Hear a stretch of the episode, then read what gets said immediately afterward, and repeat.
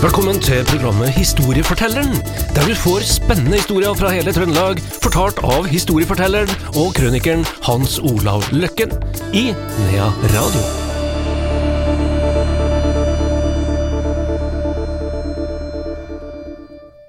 Velkommen tilbake til Historiefortelleren her i Nea Radio. Velkommen tilbake til deg, Hans Olav Løkken. Jo, takk. Vi skal i dag, ja, aller først skal vi til 1940, og vi skal til Støren, og det skal handle om flom. Ja.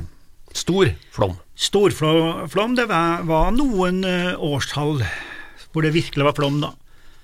Uh, 34, 18, 1918, altså 1934, 1940. Men uh, den største flommen tror man er i 1345, fire år før svartedauden. Da tok man vel omtrent hele Gauldalen. Hvis du går inn og googler litt, og så ser på det man antar, for her er jo ikke noe som er så veldig dokumentert, men man antar kanskje at det var eh, mellom 400 og 500 som omkom. Hele Gauldalen altså ble oversvømma og, og, og, og, forsvant på si. Altså. Eh, jeg ser at den er rangert som kanskje den verste ulykke, og du, du, kan jo gå inn på sånne sider, vet du, google våre største katastrofer i Norge. Jeg har jo den sida liggende der, for det er litt artig å gå inn og se hvor mange som omkom i den togulykka, hvem den og sånn. Og, sånn. og der, der, er liksom den her uh, storflommen da i, i 45, altså fire år før svartedauden i 1349. da. Men det er jo lite dokumentasjon på den, da, selvfølgelig. Men vi skal begynne med, med, med 1940, om høsten. Det er jo litt sånn uh, ofte den dag i dag òg, så kan det være noen store flommer senhøstes. Altså, uh, den her snøsmeltinga i fjellet er utsatt, eller blir utsatt på grunn av værsituasjonen. Og så plutselig har jeg sett at Stjørdalselva har gått kolossalt opp i august, og liksom begynner å nærme seg september. Og det skjer her også, i 1940. Tyskland er jo da ankra seg litt fast. Begynner også å bry seg litt mer om eh, sidedalene, ikke bare flyplass og storbyer. Og eh, da kommer det en flom som eh, berører folk i, Gauldalen. Og det er ett menneske da som omkommer der, og det er ei som heter Marit Wold på Støren på Moøya. Hun skal vel prøve å ta seg i gåseøynene i land, da, men, eh, men drukner der, da. Eh, men, men det, det ble veldig kritisk for, for tyskerne, da, på mange måter. For det er jo sånn som Gauldalen og en del andre knutepunkt, det, det, lammer jo på en måte infrastrukturen. Kan jo dele Norge i to. Vi vet jo hvor sårbart det er på Stjørdal hvis det, det, skjer noe med tunnelene opp med hell og, og broa og flyplassen og sånn. Så det som er litt artig med, med denne historien her, da, hvor de har beskrevet hvordan at hele Støren det var bare kuppelstein eh, overalt, ikke sant. Eh, den derre laksen som ble funnet bak kateteret på skolen og, og sånn, eh, det, det jeg funnet ut var eh, i, i, i eh, en annen flom, da, men den, han, han dukker nå opp igjen, den laksen, da, i 1940. Og, jeg må ha noen røverhistorier. Må ha noen røverhistorier, ja, Ja, ja. Men det er jo, jeg syns det er en ok uh, symbolikk, fordi at den forteller at det var dramatisk, da. Og så er jo det at han Størsbyggen, da, som møter en uh, tysk uh, gefreiter eller et eller annet, da, og han er den tyskeren, han bærer seg fælt av, vet du, og, og liksom uh, skal skylde på um, engelskmenn, da at de hadde bomba demninger da, oppe i, oppe i Gauldalen, så han tysken han eh, sier vel noe sånt som eh, peker liksom Englender, englender engelskmenn. Eh, bom, bom, sin. Bom, bom, skal de liksom peke da og indikere at engelskmenn hadde bomba fest, eh, demninger lenger opp, og derfor, dermed så ble det flom. Men da sier Størsbyggen nei, nei, nei, nei, nei, eh, ikke bom, bom. Flom, flom, sier han til tyskeren, da. Skjønte vel ikke så mye av det, da. Men, eh, men eh, da glemmer vi denne her eh, at Gaula har nok antagelig vært en tøff et tøft dalføre når det gjelder flom, da. Men vi skal gå til ei anna ulykke som har prega trøndersk historie, og som det er skrevet ganske mye om, Og det er jo selvfølgelig da Titra her den 30, 13. til 14. oktober da i 1899. Vi Det er jo til- utrolig ulykke, altså. Vi skal til Frøya, altså. Nå skal vi til, utover til Frøya og øyene der ute, da. Da er det altså 25 fartøyer, blant dem da en, en, dampbåt som forsvant sporløs. Sju båter forliste inn med land, og 57 havarerte også, og, og, og, og, og 35 ble skada, men her kommer da det dramatiske tallet. 142 mann omkommer. 27 kystkvinner blir altså enker. Og 80 barn satt altså farløse igjen. I et, skal vi si, liten del av vårt samfunn. Det er sånne enorme tall. 142 fiskere.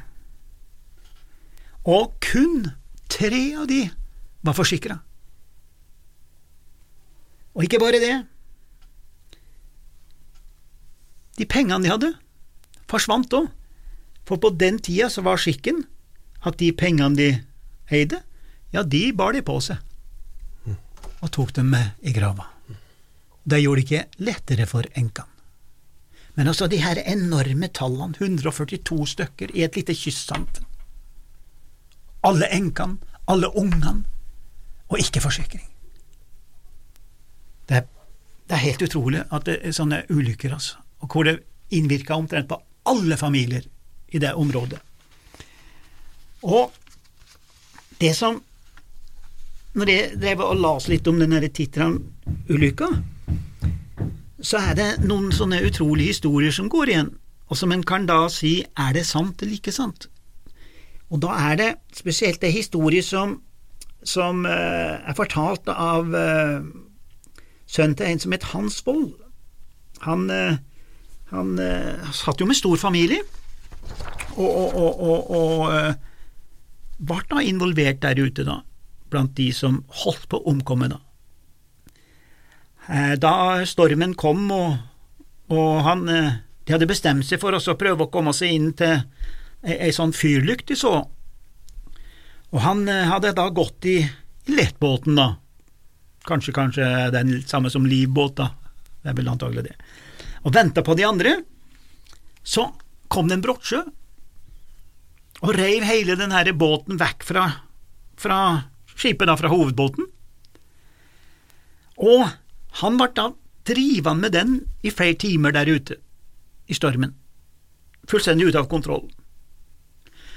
Så ser han plutselig en lanterne eller noe sånt av andre båter i nærheten, og han skjønte at han ville kollidere med en av båtene. Han hadde jo ikke noe styring på dette, her. det bare føk att og fram i bølgene. Nå uttaler jeg meg skråsikkert om ting jeg virkelig ikke er redd på, for jeg går jo ikke om bord i båt, så det er jo så greit med det, da. jeg er jo fjellmann.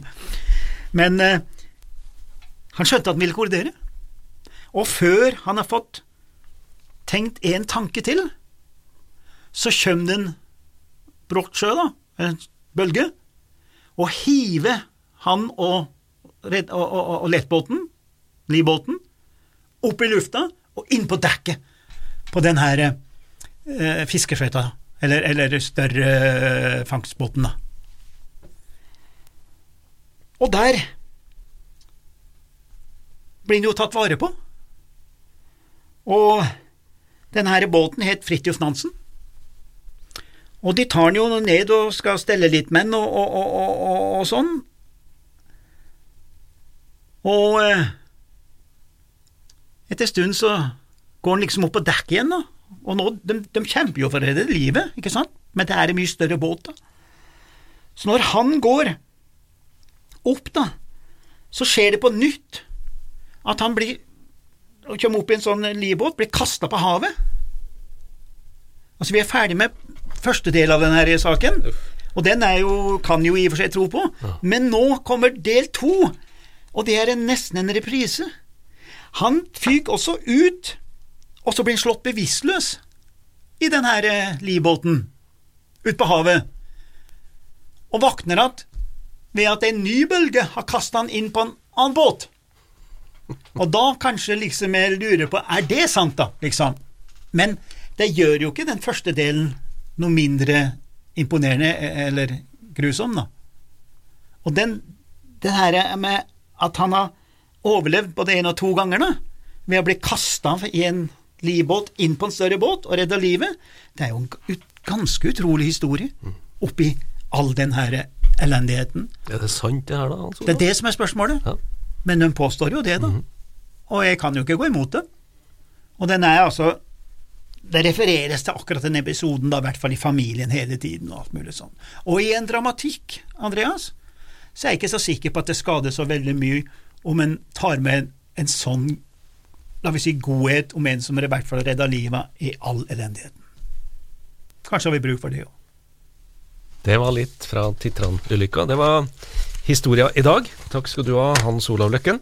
Historiefortelleren er tilbake om ei uke til samme tid, og husk også at du kan høre Historiefortelleren som podkast.